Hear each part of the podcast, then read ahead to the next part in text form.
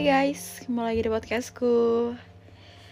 Hmm, di episode kali ini Apa ya, gue mau random talk aja sih Tapi lebih mengarah ke bahas mantan kali ya. Tapi untuk bridging Ini gue agak seru banget nih Karena di beberapa hari ini tuh banyak banget eh, kejadian-kejadian yang masih tentang relationship ya. Entah itu selingkuh KDRT gue udah enak banget ngebahas tentang selingkuh sumpah demi Tuhan. Kayak semuanya selingkuh ngerti gak sih? Kayak A B C D itu semuanya selingkuh dan ketahuan. Kayak please stop berita ini selingkuh karena banyak banget. Dan bikin gue kayak gue nggak trust issue ya dengan apa yang terjadi saat ini. Di saat semuanya bilang kayak gimana gue bisa percaya sama cowok kalau semuanya tuh kayak gitu semuanya tuh KDRT selingkuh bla bla bla. Gue nggak trust issue karena gue percaya nggak semua cowok kayak gitu anjir. Kayak ya mereka tuh punya apa ya si sikap dan sifat masing-masing gitu. Karena nggak semua mantan gue putusnya selingkuh sih.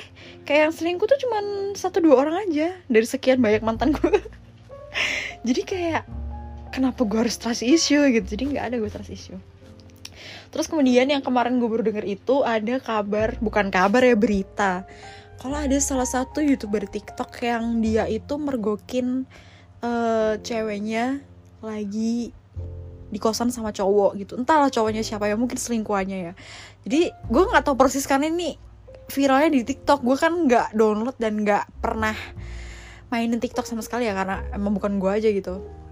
Gak suka gitu terus uh, ceritanya nih ya setahu gue nih ya nih cowok nih kayak mau ngasih surprise karena dia di Jogja mau ngasih surprise tanpa ngomong-ngomong tanpa telepon dulu. Alhasil datang lah tuh tuh cowok ke kamar atau kontrakannya si cewek ini lah terus uh, di kita kok dibuka-buka waktu dilihat dari bawah pantulan uh, apa namanya pintunya itu ternyata lagi sama cowok akhirnya didobrak lah tuh. Terus si cowok ini ngegap kalau misalkan di dalam kontrakan yang gak seberapa itu dia tuh lagi sama cowok gitu. Dan shock dong si cowoknya ini. Maksudnya si pacarnya ini akhirnya dia telepon bundanya sambil kayak gemetar gitu. Ya mungkin karena shock berat dan kayak lo tau gak sih image-image cewek yang kayak bener-bener jaga sikap gitu ke pacarnya kayak gue ini suci banget loh. Gue ini perfect. Gue ini bakal baik sama lo. Gue gak bakal ngapa-ngapain. Gue ini polos. Lo nggak tau gak sih ada cewek yang membuat image seperti itu di depan pacarnya gitu. Sehingga kalau dia melakukan satu kesalahan itu pasti bakal bikin pacarnya kaget. Nah ini yang gue tangkep nih dari uh, pacarannya mereka berdua ini. Kayaknya itu si cewek itu bangun image suci banget. Jadi sehingga cowoknya ketika tahu si cewek ini selingkuh jadi kaget shock dan gemeter kayak kok bisa? gitu. Ngerti gak sih? Mungkin ya mungkin ya. Nah setelah itu uh, si cowok ini marah marah-marah dong ke si cewek lu gimana sih? Gini gini gini gini gitu. Si cewek itu ngebalas kayak yang jahat itu kamu gitu. Terus gue nggak tahu ya ada komen yang bilang katanya nih ya ini kalau gue salah tolong koreksi ya. Karena gue baca-baca komen karena gue nggak punya uh, validasi dengan nonton live nya dia di TikTok karena gue nggak punya TikTok say. Terus uh, katanya ada yang bilang karena titit si cowoknya ini kecil makanya dia selingkuh dan si cowoknya itu nggak pandai gitu loh diranjang. Kayak damn girl. Kayak kenapa semua cewek sekarang tuh kayak demen banget sama kontol gitu? Ya gue nggak ngerti ya. Ini susah banget. Kayak kenapa gitu? Apa apa dipermasalahin ya ampun kontol yang nggak seharusnya dia pakai sebelum menikah itu tuh dipakai duluan. Jadi dia kayak bingung ah gue harus cari kontol yang enak gue harus cari kontol yang perfect gitu buat gue nantinya kayak aduh otak lu di mana bangsat gitu. Ini ada cowok baik yang bener-bener setia sama lu bener-bener kayak merjuangin lu banget. Tapi lu kegocek sama kontol yang lebih enak kontol yang lebih gue kan jadi ngomong frontal. Karena gue kesel banget anjing kenapa? Gitu. Karena nggak nggak kasusnya tuh nggak cuma nih cewek berbah ini doang gitu. Kebanyakan juga kayak gitu. Kayak kasusnya sama gitu. Jadi kesel aja gue nggak cuma sama nih cewek berdebah ya ke semua cewek gitu kenapa gitu? Harusnya lo tuh bisa nilai yang lain harusnya lo bisa membuka mata lo dengan lebar karena apa ya yang bisa lo nilai tuh banyak. Kenapa harus apa ya sesuatu yang diranjang aja yang lo patokin gitu loh. Patokin untuk alasan selingkuh. Nggak make sense gitu di otak gue kayak nggak make sense gitu. Gue juga bukan body shaming atau apa ya tapi ngelihat dari mukanya nih cewek ini kayak ya muka-muka berdebah muka-muka kimcil tau gak sih? Kimcil yang sosok polos gitu aduh udah nggak tau deh gue kita bahas yang lain aja ya karena aduh bosen banget bahas perselingkuhan. Cuman ini yang kemarin heboh aja jadi kayak ya gue bahas dikit gitu. Gue kasih opini gue dikit gitu. Ini kembali lagi ke topik seharusnya ya karena dari awal gue bilangnya random talk tapi sebenarnya topik topik yang seharusnya gue bahas sekarang itu tentang mantan dan kayak KDRT mantan gitu. Apa sih kalau misalkan pacaran terus kita dikasarin di apa-apain itu apa ya bahasanya KDRT apa ya? Ya kita sebutnya KDRT aja karena belum ada istilahnya gitu. Jadi dulu tuh gue pernah uh, punya pengalaman digituin juga sama mantan gue tapi itu udah dulu banget waktu gue SMP jadi gue tuh dulu SMP kelas 2 uh, eh, pacaran sama uh, tetangganya teman gue jadi gue tuh dulu sering banget main ke rumah teman gue dan setiap gue main ke rumahnya tuh gue tuh kayak selalu diajakin keliling di sekitar rumahnya gitu kayak beli jajan atau apa gitu. Jadi mostly kayak semua tetangganya dia tuh kenal sama gue karena gue sesering itu ke rumahnya. Dulu kan masih sering-sering main gitu kan jadi sering banget ke sana.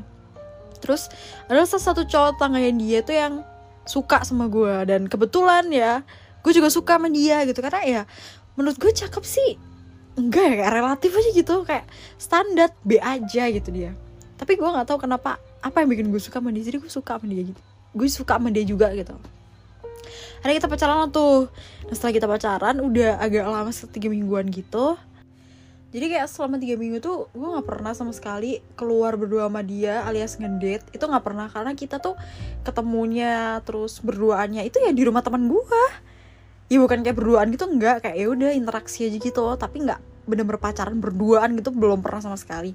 Nah suatu waktu dia tuh ngajak gue kayak ayo kita keluar berdua aja gitu. Waktu gue di rumah teman gue terus teman gue bilang ya udah nggak apa-apa kalian keluar aja gitu. Lagian kalian tuh kayak belum pernah keluar berdua kan jadi ya udah.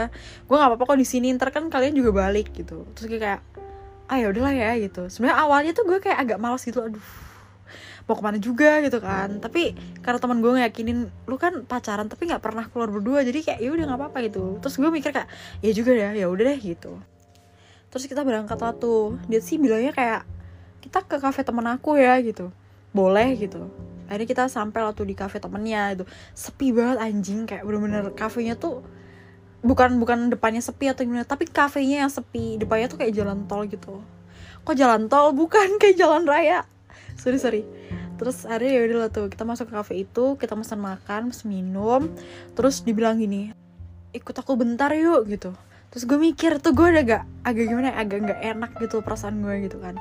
Tapi gue mikir kayak apaan sih orang ini kafe? gitu. Maksudnya tempat tempat umum gitu dan ada temennya juga. Ngapain gue mikir yang aneh-aneh gue juga gak bakal diapa-apain. Gue pikirnya begitu ya waktu itu. Terus hari ya udah gue ikut dia uh, ke apa ya jadi kan ini kafe terus kayak ada lorong masuk gitu arah mau ke dapur dan ada dapurnya tapi sebelahnya tuh kayak ada kamar mandi gitu. Nah gue diarahin belok ke kamar mandi tapi nggak sampai ke kamar mandinya cuman di depannya doang depan kamar mandi di ke dapur gitu. Terus dia kayak bilang gini dia kayak mau jukin gue ke tembok terus dia kayak bilang gini kamu cantik banget gitu. Terus gue kayak dalam hati iya emang terus gitu kan. Terus ya gue kayak diem aja gitu kan terus dia kayak uh, apa namanya? Gimana ya ngomongnya? Kayak iniin rambut gue gitu loh. Bukan ngelus ya tapi lebih kayak ngimpasin rambut gue ke belakang gitu. Terus dia kayak mau nyium gue gitu. Nah di situ gue bener-bener nggak mau karena gue nggak pernah ciuman bangsat lu kelas 2 SMP gue nggak pernah ciuman. Kayak gue setiap pacaran tuh nggak pernah ngapa-ngapain juga. Terus dia mau nyium gue terus gue dorong dia kayak tapi dorongnya kayak pelan aja nggak kayak dorong kasar gitu nggak gue dorong pelan. Nah di situ gue bener-bener kayak nge-freeze dan agak takut gitu loh ngerti gak sih? Dan gue mau teriak juga hello gila aja gitu. Dan di situ dia langsung uh, apa namanya megang dagu gue ini bener gue cerita nggak? Ada nggak ada sama sekali. Bener-bener true story. Dia bilang gini lakuin atau lu makin gue kasarin di sini. Gitu anjing. Terus gue kayak bangsat gak mau. Gitu. Ngerti gak sih? Kayak gue gak mau. Gitu. Terus dengan polosnya gue bilang gue mau pulang. Gitu. Terus dia bilang semakin lo pengen pulang. Pokoknya dia tuh kayak ngancem-ngancem gitu loh. Semakin lo mau pulang semakin gak gue anterin lo gue tinggalin lo di sini. Dia bilang gitu terus karena gue mencoba melawan ketakutan gue gue bilang nggak apa-apa kok gue bisa naik angkot please gue bawa pulang gitu terus akhirnya uh, gue merosot. Maksudnya kan dia kan depan muka gue kan. Terus gue merosot gitu loh tinggal sih? Untuk hindarin dia gue merosot terus gue langsung kayak mindik-mindik langsung keluar gitu. Gue bener-bener keluar gue bener-bener waktu itu nggak tahu jalan sama sekali. Lu bayangin kelas 2 SMP anjing kayak gue masih bener-bener nggak sebebas itu gitu loh. Jadi gue bener-bener di situ sampai nanya tukang parkir pak angkot yang untuk ke arah gue sebutin arah rumah gue dan di situ tas gue tuh masih ada di rumah teman gue tapi karena gue apa ya takut deg-degan terus gimana ya rasanya tuh campur aduk gitu loh kayak gemeter juga kayak aduh ini pertama kalinya gue digituin terus gue diancam gue bener-bener takut total. Jadi gue mending pulang ke rumah aja biar itu tas diantar teman gue ntar waktu sekolah aja gitu. Pokoknya gue mikir gue harus pulang gue harus pulang karena gue takut banget gitu. Takut dia apain takut dikejar juga gitu. Akhirnya ya udah akhirnya bisa lah tuh gue naik angkot sendiri pulang ke rumah. Terus besokannya kenapa lo ninggalin si A di cafe sendirian gitu. Terus gue bilang ninggalin dalam hati ya kayak oh mungkin dia kayak bikin skenario seakan gue yang salah nih fix gitu. Terus gue bilang enggak gue nggak ninggalin dia. Waktu itu gue ketemu sama nenek gue gitu soalnya gue memutuskan untuk pulang karena gue takut dimarahin. Karena kan gue keluar sama cowok sedangkan gue kan nggak boleh pacaran gitu gue alasan kayak gitu. Terus dia bilang iya tapi gila lo ya ninggalin dia sendirian padahal kan dia mau anterin lo pulang. Dia jadi bingung tau gak sih di cafe sendirian gitu. Terus kayak wah bener nih dia kayak bikin cerita seakan-akan gue yang salah gitu. Yaudah setelah itu gue benar-benar putus. Dan sebenarnya tuh banyak banget pertanyaan yang ada di otak teman gue kan kayak kenapa lo tiba-tiba putus? Kenapa lo tiba-tiba aneh sama tetangga gue nih? Kenapa jadi awkward gini? gitu. Sebenarnya gue nggak ceritain semuanya ke teman gue karena gue ngerasa waktu itu itu aib banget gitu loh kayak aib aja gitu. Tapi kenapa gue sekarang ceritain? Karena menurut gue kayak itu bukan aib aib juga sih. Karena kita nggak apa-ngapain juga gitu. Itu adalah kejadian seperti pelecehan bahkan ya kan? Tapi tuh ya termasuk KDRT juga. Karena dia sempet kayak pegang dagu gue gitu loh kayak terus ngancam-ngancam juga kayak ya itu KDRT dalam pacaran. Ya gak sih? Terus sebenarnya ada cerita lagi sih yang uh, eh, KDRT kayak gitu. Tapi dibilang abusive sih nggak sampai ya tapi lebih ke kayak cacing maki kasar gitu loh kasar banget gitu loh. Dan apa ya gue tuh dulu sering banget punya pacar yang kayak gitu. Yang posesif kasar terus ngatur kayak bener-bener toxic banget gitu loh. Dan dulu gue emang bener-bener hampir semua mantan gue tuh kayak gitu. Gue nggak tahu kenapa bisa jatuh cinta sama orang-orang kayak gitu gitu.